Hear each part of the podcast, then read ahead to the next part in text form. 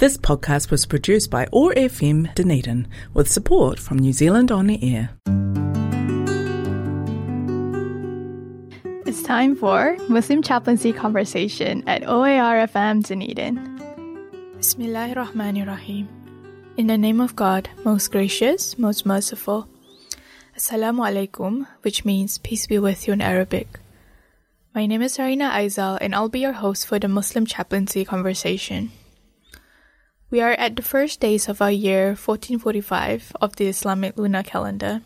Happy New Year to our listeners. In today's episode, we have a talk on the parables in the Quran, the example of Surah Al Kahf, the cave, and an interview with Dr. Nasser Tamimi, a migrant support worker at Te Kaika. We begin though with a recitation of the Quran by Sheikh Mishari Alafasy, chapter 18, Al Kahf verses 1 to 8. بسم الله الرحمن الرحيم الحمد لله الذي أنزل على عبده الكتاب ولم يجعل له عوجا قيما لينذر بأسا شديدا من لدنه ويبشر المؤمنين ويبشر المؤمنين الذين يعملون الصالحات أن لهم أجرا حسنا ماكثين فيه أبدا. وينذر الذين قالوا اتخذ الله ولدا ما لهم به من علم ولا لآبائهم. كبرت كلمة تخرج من أفواههم إن يقولون إلا كذبا فلعلك باخع نفسك على آثارهم إن لم يؤمنوا بهذا الحديث أسفا إنا جعلنا ما على الأرض زينة لها لنبلوهم أيهم أحسن عملا وإنا لجاعلون ما عليها صعيدا جرزا Translation of the recited verses. In the name of God, most gracious, most merciful. Praise be to God who sent down the scripture to his servant and made it unerringly straight, warning of severe punishment from him and giving glad news to the believers who do good deeds. An excellent reward that they will always enjoy. It warns those people who assert, God has offspring. They have no knowledge about this, nor did their forefathers. It is a monstrous assertion that comes out of their mouth. What they say is nothing but lies. But, Prophet, are you going to worry yourself to death over them if they do not believe in the message? We have adorned the earth with attractive things so that we may test people to find out which of them do best, but we shall reduce all of this to the barren dust. In this section of the program, Dr. Najib Lafraie presents his talks on parables in the Quran, the example of Surah Al Kahf, the caves. Bismillahir Rahmanir Rahim.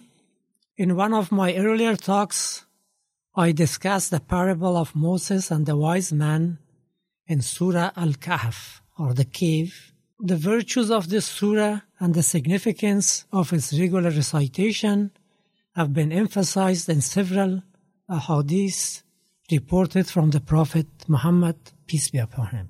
The reason may be the parables in the surah, which vividly portray the messages that the Quran can, wants to convey.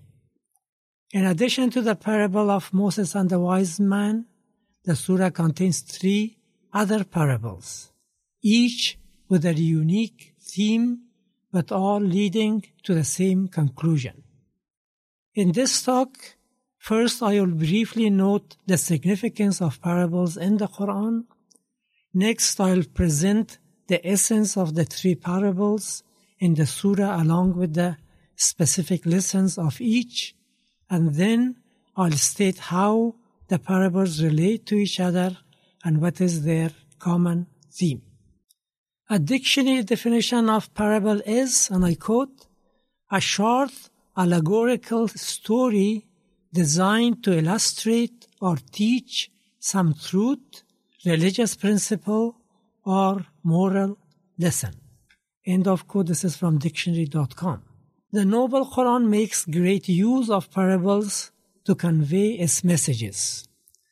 According to one count, in addition to the stories of the past prophets and their people, there are some 40 other parables in the Quran. The stories in the Quranic parables could be allegorical, but they can also be real and historical.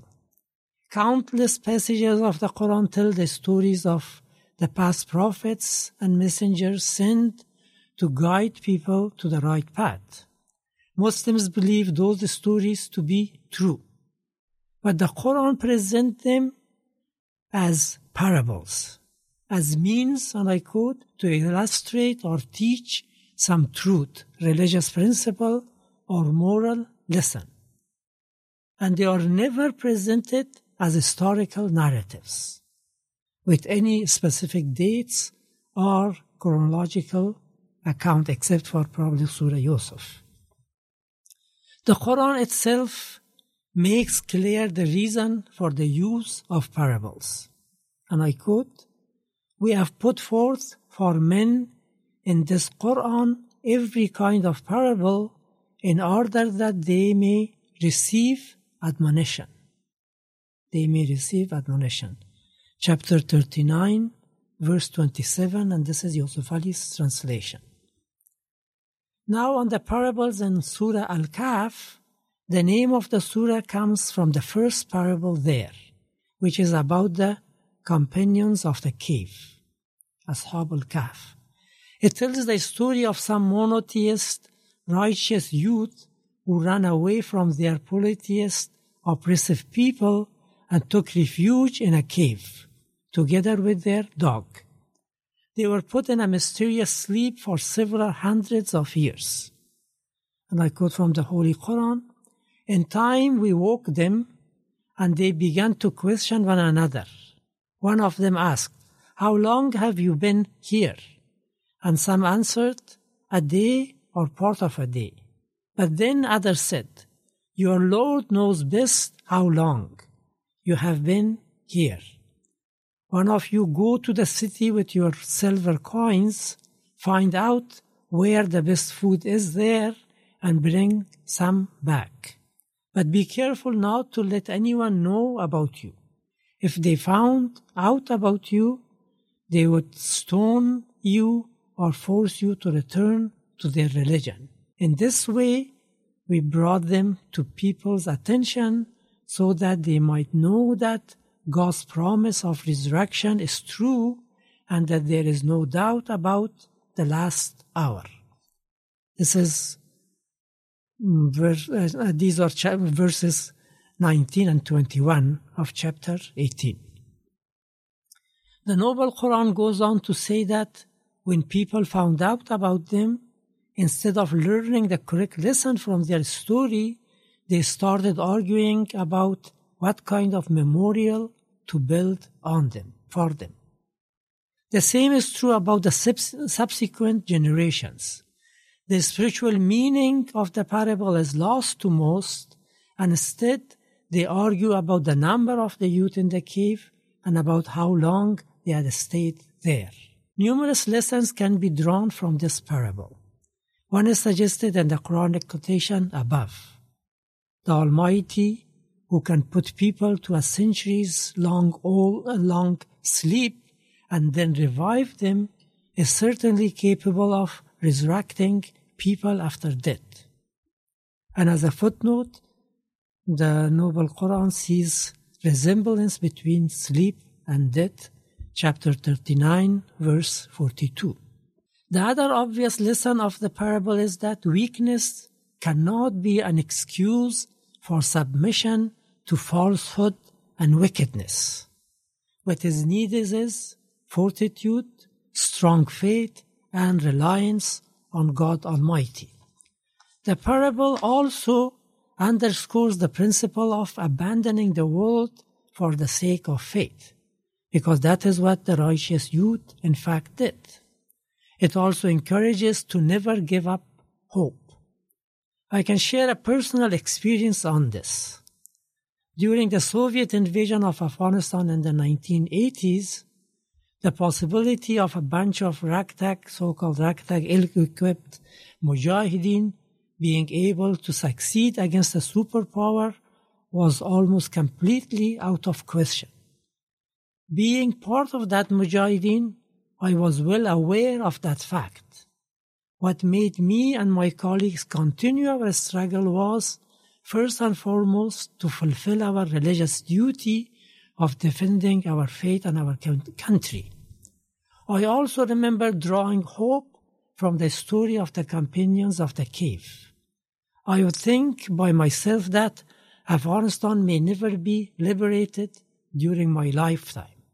However, if I go to sleep like the companions of the cave and then wake up after 300 years or so, the situation would certainly been changed. So there is hope, no matter what the odds. The other lesson of the parable of the companion of the cave relates to the argumentative nature of us human beings. The parable puts the position of the righteous youth against the general tendency of the people. When the youth confusedly woke up from their extremely long slumber, they started arguing about how long they had slept. Soon, however, they wisely cut that argument short and focused on practical matters. In contrast to that, the people of the city argued about the type of memorial to build, and the people in later generations continue to argue about the number of the youth and the duration of their sleep. And I quote from the Holy Quran some say the sleepers were three and their dog made four. Others say they were five and the dog made six, guessing in the dark. And some say they were seven and their dog made eight. Say, Prophet, my Lord knows best how many they were. Only a few have real knowledge about them. So do not argue, but stick to what is clear. Some say the sleepers stayed in the cave for 300 years. Some added nine more. Say, Prophet, God knows best how long they stayed. He is not, he, has his knowledge of all that is hidden in the heavens and the earth. Verses 22 and 26 of the Surah. The second parable of Surah Al Kahf is about two men. And I quote from the Quran For one of them, we, God Almighty, made two gardens of grapevines, surrounded them with date palms, and put cornfields in between. Both gardens yielded fruit and did not fail in any way. We made a stream flow through them, and so he made abundant fruit. Verse 32. The other man's property, though, paled compared to the first. One day during a conversation, the farmer boasted, saying to his friend, quote, I have more wealth and a larger follower than you. I do not think this will ever perish or that the last hour will ever come. Even if I were to be taken back to my Lord, I would certainly find something even better there. Verses 34 to 36, some parts are omitted. In response, his friend admonished him reminding him of his creator and saying, quote, Although you see I have less wealth and offspring than you, my Lord will, may will give me something better than your garden and send thunderbolts on your garden from the sky so that it becomes a heap of barren dust. Verses 39 and 40. And that is exactly what happened forcing the ungrateful fellow to confess, I wish I had not set up any partners to my Lord. Chap- uh, verse 42. The first and obvious lesson of this parable is that wealth of this world, which is a gift from God, is a test. I'll come back to this point towards the end of the talk. The other lesson is about arrogance and boastfulness. It has been strongly condemned by the Noble Quran to the extent that it is considered the reason of Iblis's fall from grace several places in the Quran, chapter 2, verse 34, and chapter 7, verses 12 and 13, for example. This parable beautifully illustrates its causes and consequences, the causes and consequences of arrogance. The third lesson could be the fact that there are better things in this world than wealth and power. When the righteous fellow says that his Lord may give him something better than his friend's garden, he could have referred to receiving it in the hereafter. But the fact that in continuation of his statement he refers to the ultimate fate of his friend's garden indicates that he is talking about this world. What is that something better? Most probably contentment and spiritual well-being. The statement of the arrogant fellow that he wished he had not set up any partners to his Lord is also interesting. In his conversation, he did not refer to any idols and he did not associate any forces to the one and only God. And there's even indication that he might have been uh, believing in God. So what were those partners he set up? Elsewhere in the Quran, we read people taking their own desire as a God. Chapter 45, verse 23. So it could be a selfish desire as well as wealth and power. The last parable of in Surah Al-Kahf is that of Zul Qarnayn, literally meaning the two-horned one. It is the story of a righteous king who traveled around the world encountering various types of people. There are speculations about which historical personality may, may refer to, but focusing on that misses the point. In the Quranic parable, it was God who, quote, established his power in the land and gave him the means to achieve everything. Verse uh, 84. He traveled to the west and, quote, Nearby, he found some people, and we said, Zulqarnain, you may choose which of them to punish or show kindness to. He answered, We shall punish those who have done evil, while those who believed and did good deeds will have the best rewards. We shall command them to do what is easy for them. Verses 86 and to 88. Then he traveled to the east, and, quote, he found the sun rising on a people for whom we had provided no shelter from it. And so it was. We knew all about it. Verses 89 to 91. What is translated as so it was is one word in Arabic, thus. And uh, it can be translated uh, as thus. Muhammad Asad uses the latter, adding in bracket, thus we made them and thus we left them. He attributes this interpretation to Imam Razi and notes in a footnote, quote, it obviously relates to a primitive natural state of those people who needed no clothes to protect them from the sun and to the implied fact that Zulqarnain left them as he had found them, being mindful not to upset their mode of life and thus to cause them misery. End of that quote, and now quote from the Holy Quran. He traveled on. Then, when he reached a place between two mountain barriers, he found besides them a people who could barely understand them verses 92 93. Despite the language barrier, those people asked him for help against Gog and Magog, who were ruining their land, saying, quote, Will you build a barrier between them and us? if we pay you a tribute? Zulqarnain rejected the tribute but asked for manpower. He built a barrier that could not be scaled nor pierced. Then he said, This is a mercy from my Lord. But when my Lord's promise is fulfilled, he will raise this barrier to the ground. My Lord's promise always comes true. Verse 98.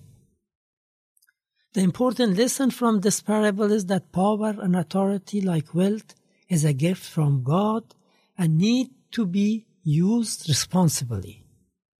Then we have examples of their correct use to establish justice, show kindness, command what is easy, not to disturb peace and tranquility unnecessarily, and to help people defend against oppressive oppression and destruction. The other lesson is in contrast to the parable of companion, companions of the cave. They abandoned the world for the sake of faith. But Zulqarnain's parable tells us, as Muhammad Asad puts it, quote, that world renunciation is not in itself a necessary co- complement of one's faith in God. In other words, that worldly life and power need not conflict with the spiritual righteousness, so long as we remain conscious of the ephemeral nature of all works of man and of our ultimate responsibility to Him, to God, who is above all limitations of time and appearance. End of quote. Other lessons can be drawn, but we are running out of time. To conclude, there are a number of common themes among these parables, but I will uh, mention just two of them.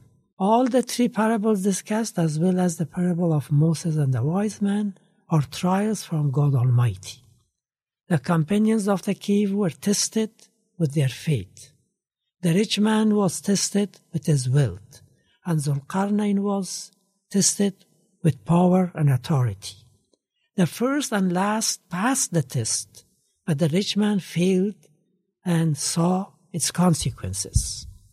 The other common theme among the three parables is the ephemeral nature of life of this world. Those who persecuted the righteous youth were not there after a few hundred years. The garden of the rich man was completely destroyed almost overnight. And although virtuous Zulqarnain built a massive, seemingly indestructible burial, in time it will be razed to the ground. In short, the three parables are illustrations of what is stated at the beginning of Surah Al-Kahf. Quote, We, God, have adorned the earth with attractive things so that we may test people to find out which of them do best. But we shall reduce all this to barren dust. Chapter 18, verses 7 and 8. Sadaqallah al-Azim, God Almighty has spoken the truth. Thank you. We will now have the interview with Dr. Nasser. Assalamu alaikum, Dr. Nasser Tamimi. Thank you for being here today on our show. Assalamu alaikum. You're welcome. Um, would you mind introducing yourself for our listeners? Uh, my name is Nasser Tamimi, uh, originally from Palestine, uh, not Pakistan. As sometimes when they when people here ask me where are you from, I tell them Palestine. They tell me, oh, Pakistan is very beautiful. So I am actually from Palestine. Uh, I was born in 1966 in a city called Hebron and uh, raised and they grew up there in Hebron. Mm. Can you tell us a bit about the place you grew up in? Yeah, I lived for about. Uh, I studied at uh, Hebron schools, Arabic schools. And before I tell you, uh, Palestine is a country characterized by conflict. Uh, and I live in a city called Hebron, where I had my education before coming to New Zealand. Uh, I studied my elementary, preparatory, and secondary uh, education. I did it in these schools in Hebron.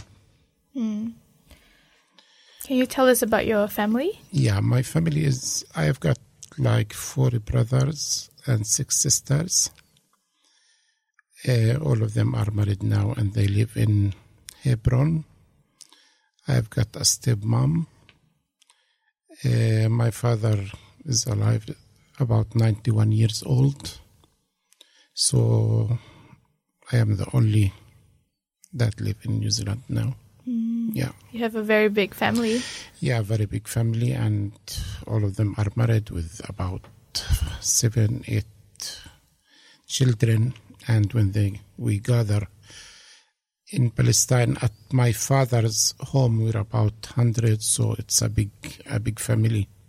Yeah. Um, what was it like living with um, your family members? What did your parents do?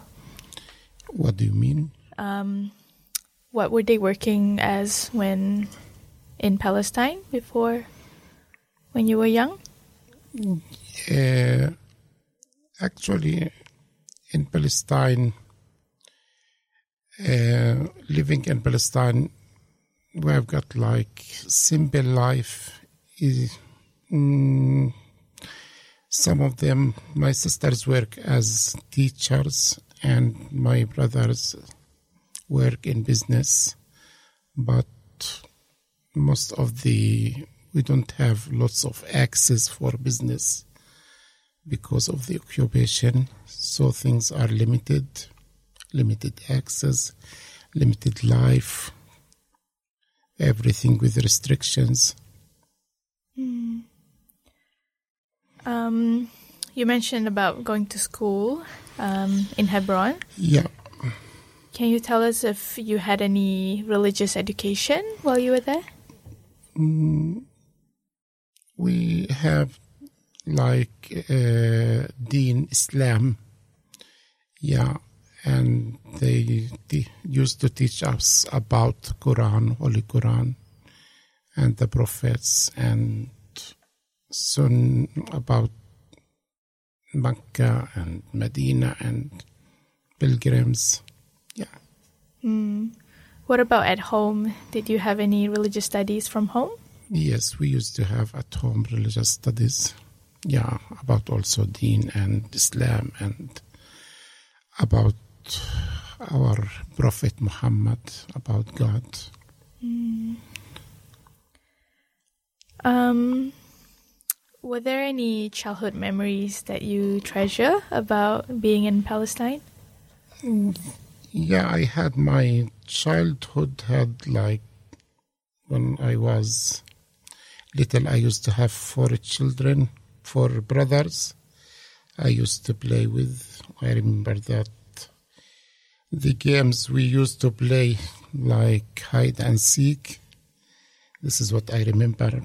Lots of memories, but especially in the evening, we used to go out in the park and with our sports equipment.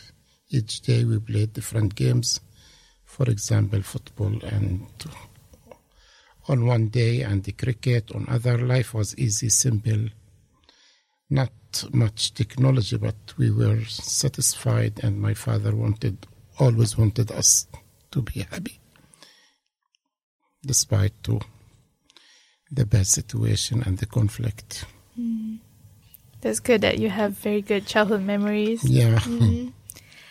Um, so after school, did you do any higher education? Yeah, my first degree was in Italy in 19. After I finished Al Tawjihi, I went to Italy. I got my first degree. This is in 1990. I got a diploma of photography and I learned also the language, the Italian language. I lived in Italy for about five years. I was able to to work, to study there, and to get to make friends. It was really such a good experience for me to live the atmosphere of Italy. Was that your first time abroad? This is my first, the first time when I moved to, when I left Hebron. Yeah, was that um, 1995, 90. Um, how was that experience moving abroad? It was good, you know. You meet.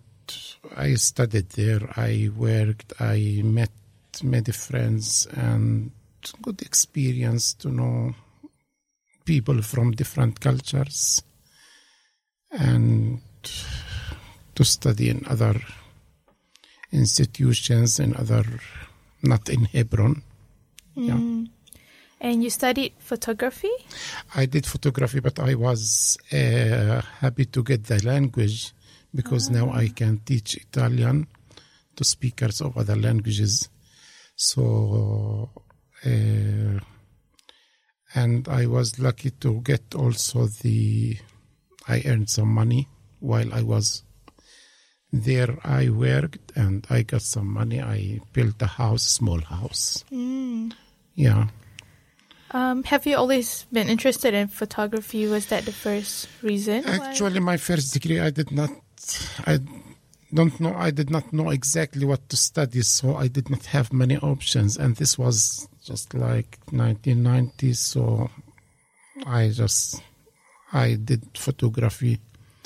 Then I had to change because to meet the requirements of life in Hebron and the language knowing the Italian language for me it's much was better. Yeah more useful. That's good that you're fluent in Italian now. inshallah. I'm sure there's um, lots of use for it. yeah. Um, so you were in Italy for five years. yeah. Um, can you tell us a bit about what it's like being a Muslim there? Actually they respect Muslims. And we used to have I used to live in Milan. And there were about seven more no six mosques or five. We used to go to do to perform our the prayers and to talk with the Muslim community. This is what I remember. But for me it was a good experience to my first experience to know more about how to live to adapt with the new experience.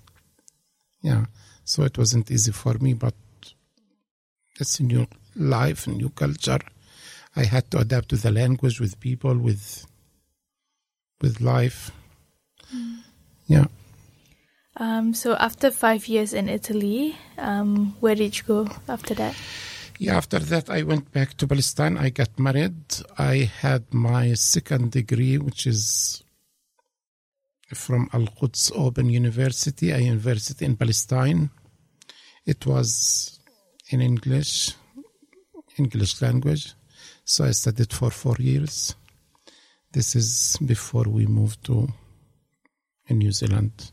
So it was from 1995 until 2000. So I graduated from Al Quds Open University in 2001 and I was appointed at the Ministry of Education as an English as a teacher. This is until 2008. Mm. Yeah, before coming here. Mm. Um, that's really interesting to hear that you did your second degree in English. Um, why was that a choice? Mm, actually, English is a foreign language in Palestine and a foreign language and second language in Palestine. So I always like to to understand or to to learn. Uh, since I was little, I always like to learn another language. I like to talk with foreign with people from different countries. So I just thought to to learn the language, so to be able to talk with people from different, yeah, it's like international language. Hmm. And then you moved to New Zealand. Can you tell us how that happened? Yeah, we moved here in 2008 when when my fa- wife got her scholarship in at Otago University. She shared the idea with me, and she told me I got a scholarship in New Zealand. So I told her. First, I never heard of where in New Zealand is, so I told her, "Let me look at the map where in New Zealand is." I never heard. I know about Australia, so we decided. She shared the idea with me, and we decided to to come here. This is 2008. Mm. So she got a scholarship. I was teaching I at the at the school. So I had an unpaid leave from the Minister of Education, and we came with three two children, one girl 14 years, and my son 11 years. Mm. Yeah, and Barakallah, Dr. Najib, who received us in New Zealand, Najib Lafraie, Jazallah Kul Khair, and yeah. So our journey started at that in 2008 in New Zealand. Our first year. It was very cold. I'm sure. Um, what other challenges did you face while adjusting? Oh, challenges it was, you know, living in a new life, a new experience. You need to adapt with people, with the language, with the accent. You need to, to adapt with life. To it wasn't easy for us. It's our it's it's it's a far country, so you need to get used to people when they speak the, uh, the language to to adapt also to to get used to the food what they eat what, so these things that we had just like to get used to You also did a master degree at Otago. Uh, when was that? yeah it was to, in 2010 i was able to to start my study at the beginning i couldn't because i did not have residency so my wife i went to uh, to register for to get my postgrad but i was asked for 30000 a lot of money for me. So they told uh, me to they asked me to get the residency first and then you go you can study to get a loan to be treated as domestic not international students so we were lucky to have our residency in after four or five months of the arrival. Yeah we had the residency and i did my first postgraduate diploma i did also my master's degree in in TESOL as well from Auckland University. So I was happy to, I was able to pursue my study. Um, what field was your study? It's uh, my postgraduate diploma was in linguistics, and my master's in TESOL, teaching English to speakers of other languages. That's very good. It com- complements Yeah, it's everything. all re- right? all related. yeah. Um, and then you did your PhD. Uh, actually, 2013, we did not find jobs, my wife and I, after we graduated. So life in Dunedin was different. It's not like the life here. You can find lots of jobs around. So we decided to go back to return to Palestine. Yeah, we worked in Palestine. We went back 2013, and at that time I got an offer to study to do my PhD at USM University Science Malaysia. So I had an offer and I did my PhD. It was from 2015 until 2018. This is the period that we were in Palestine, and I managed to go to Malaysia to do my PhD. And I finalized everything in 2018. I got it in GOT, graduate in time, and with good mark, alhamdulillah. Mm-hmm. Yeah. So you did your PhD in Malaysia. Did you bring your whole family with you? No, I was alone. It wasn't, you know, it was on my own capacity and my own, yeah. So I did not have uh, scholarships. So it was easier for me to go alone. So I used to go for like one semester and come back in the holidays. And so it took me for about three years, no, two years and a half. Uh, I did it in, as I said, in University Science Malaysia, good university, and marked as one of the good universities in Malaysia. Um, can you tell us about your research? Yeah, my topic was about computer use in English foreign language classrooms in area of conflict and teacher self-efficacy barriers towards computer use in the Palestinian public schools. So this is, was the topic of my study. And the findings of the study that I had when I finished that English teachers, because I was addressing the self efficacy of the teachers, why they don't use computers and technology in Palestine. So it was like teachers have got positive self efficacy towards computer use. They possess positive attitudes towards the effectiveness of using computer for instructional purposes. But findings indicated also that these teachers may not be prepared yet to use computers in their teaching due to many barriers like conflict and teachers agree that using computers in teaching is significant and it's a good tool to support and adopt their teaching. So this is one of the in general the findings and the results of my study. It's very interesting. yeah nice topic. Um, so after your time in Malaysia for your PhD, um, what happens after that? uh, we decided to come back to to return to New Zealand. So this is, was 2018, 19, and my father, and my wife, got a job in DCC, Dunedin City Council. For me, I got my job in Te Kaika, and now she works for DCC. I work for Tikaika, Caversham, Social Services Society.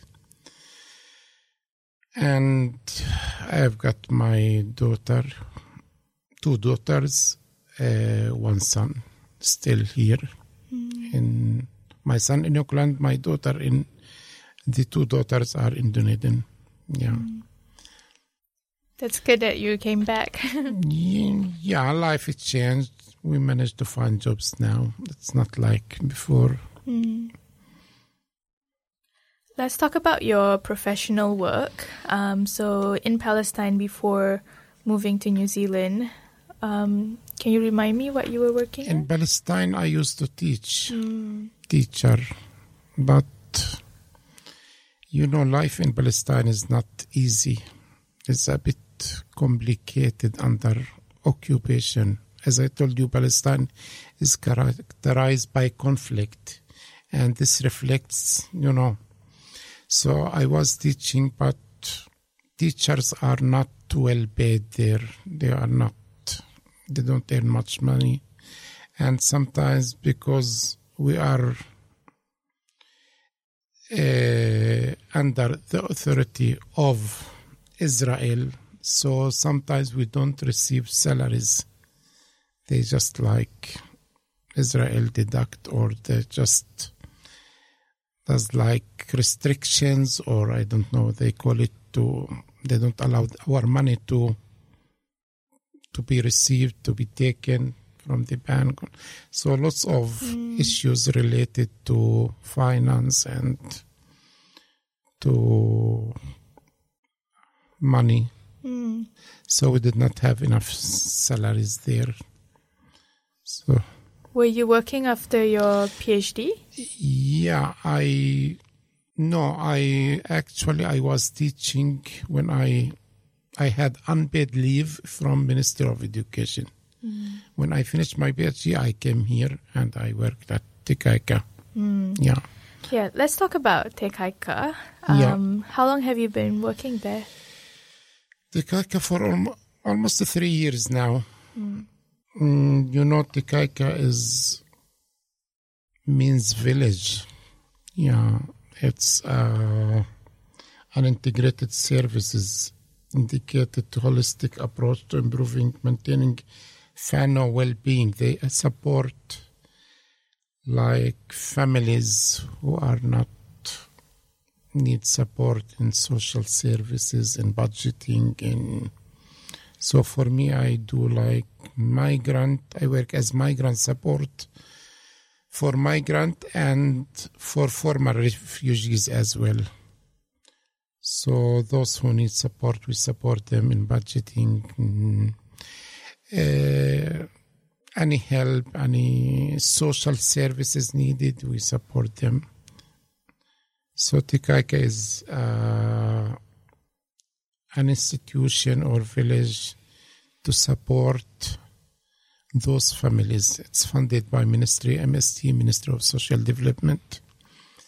Yeah, I've got like 10 to 15 families. I they are registered with me. They, I've got their referrals. So I do like regular visits for them check up, follow up with them. They need from time to time if they need any support, any help. Yeah, so this is Te Kaika and these are the things that we do. Sounds like a very rewarding job to Yeah. help people. Hmm. Yeah. I was wondering if we can talk about life um, under occupation because you moved back to Palestine from New Zealand a couple of years ago and you just re- returned recently. Um, can you tell us about their lives? Actually, life under occupation is not easy. And before I tell you that, that uh, Israeli occupation of West Bank began in 1967 when Israeli forces captured and occupied the territory of the uh, Jerusalem of Palestine, including Jerusalem, and then ruled by, by Jordan. Some of the main issues about the occupation in Palestine is the include the daily violence and restrictions on movement, inequitable access, lack of resources, human rights violations. So all these just can describe the life. It was really, it's not an easy life there. So, to compare your time when you visit and before you left, um, what are the differences that you see? It's the same. We uh, we're living. We have been living under occupation for about now fifty-five years or fifty-five years. Same situation, same assault, same attack, same problems, same restrictions, same violence, same, and things are maybe increasing. It's not decreasing like the problems, the attack, the assault, the the destroy. Things are getting worse and worse.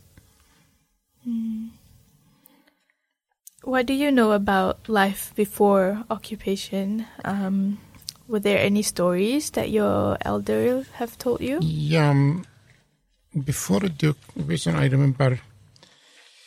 I did not remember much, but my dad used, my grandfather used to tell us about Nakba. This is before occupation. Nakba is the happened in 1948 and it is described with the displacement of the Palestinians by the creation of the new uh, state, which is Israel. So it happened a, a lot of displacement for the Palestinians. Uh, uh, Palestine was like multi-ethnic and multicultural society, but with Nakba, lots of homes and villages were destroyed. Lots of people were killed. This is what I remember that my grandfather used to tell us about Nakba, Nakba, Nakba. So it happened in 1948. It was really catastrophe and Mm. Sad. Yeah. You shared with us some, you know, happy memories of your childhood uh, in Palestine, but were there any stories that you felt when you were growing up um, under the occupation? Actually, sad thing that I want to share that when I returned from Italy, I my mom was sick, and I was away for away for about five six years in Italy. I went back to Palestine, and she died. I did not have much time to to stay, to live, to to feel with her. So this is about the sad also things that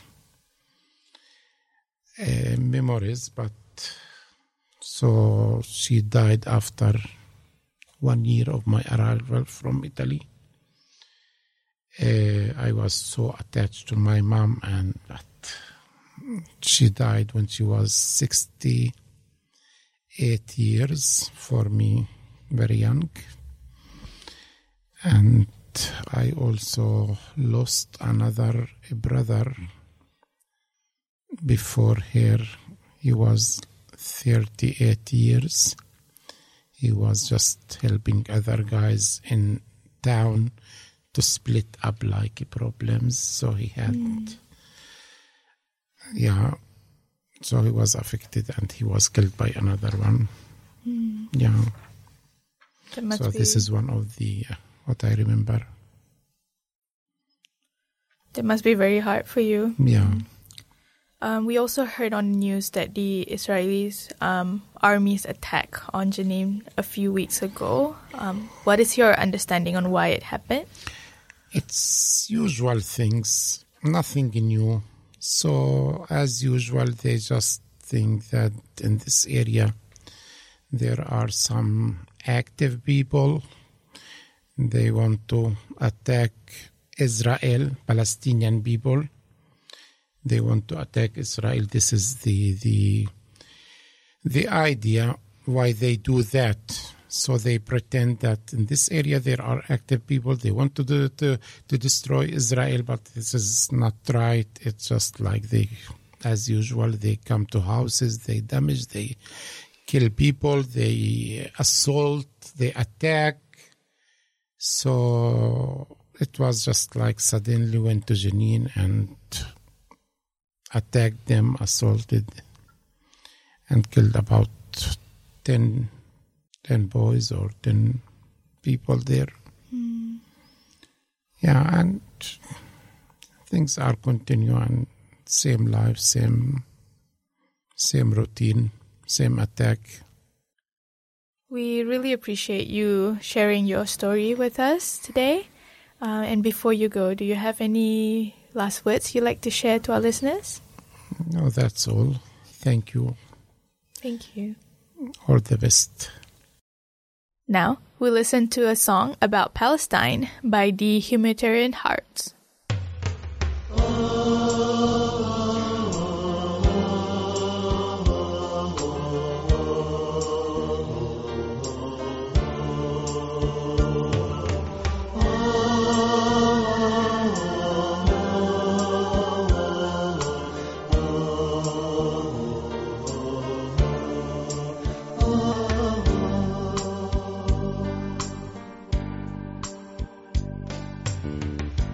Palestine will always be my home forever free, and we stand in unity to defend your dignity.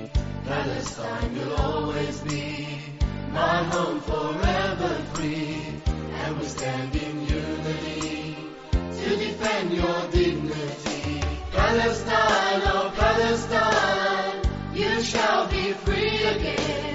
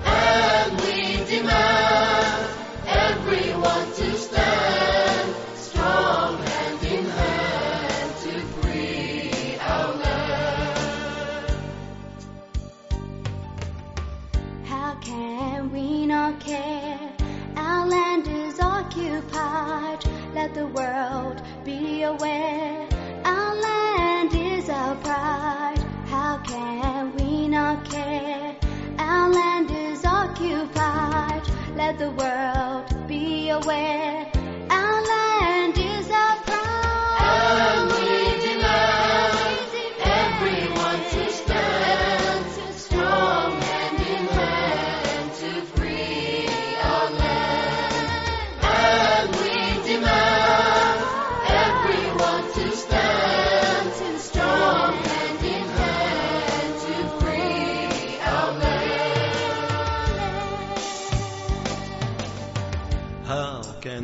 Our children are not safe, and we see them die, filling grave after grave. How can we not cry? Our children are not safe, and we see them die, filling grave after grave.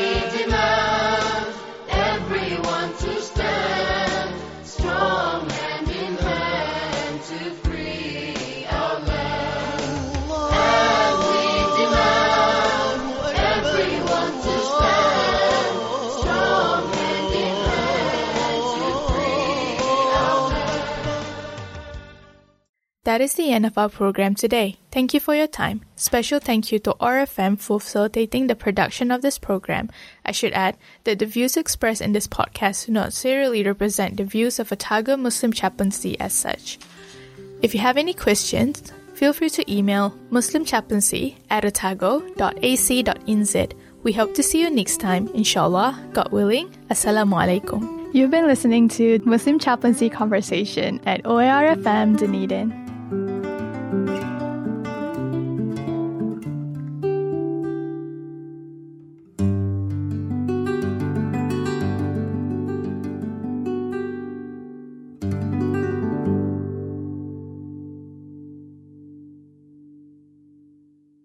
This podcast was produced by OAR FM Dunedin with support from New Zealand On Air.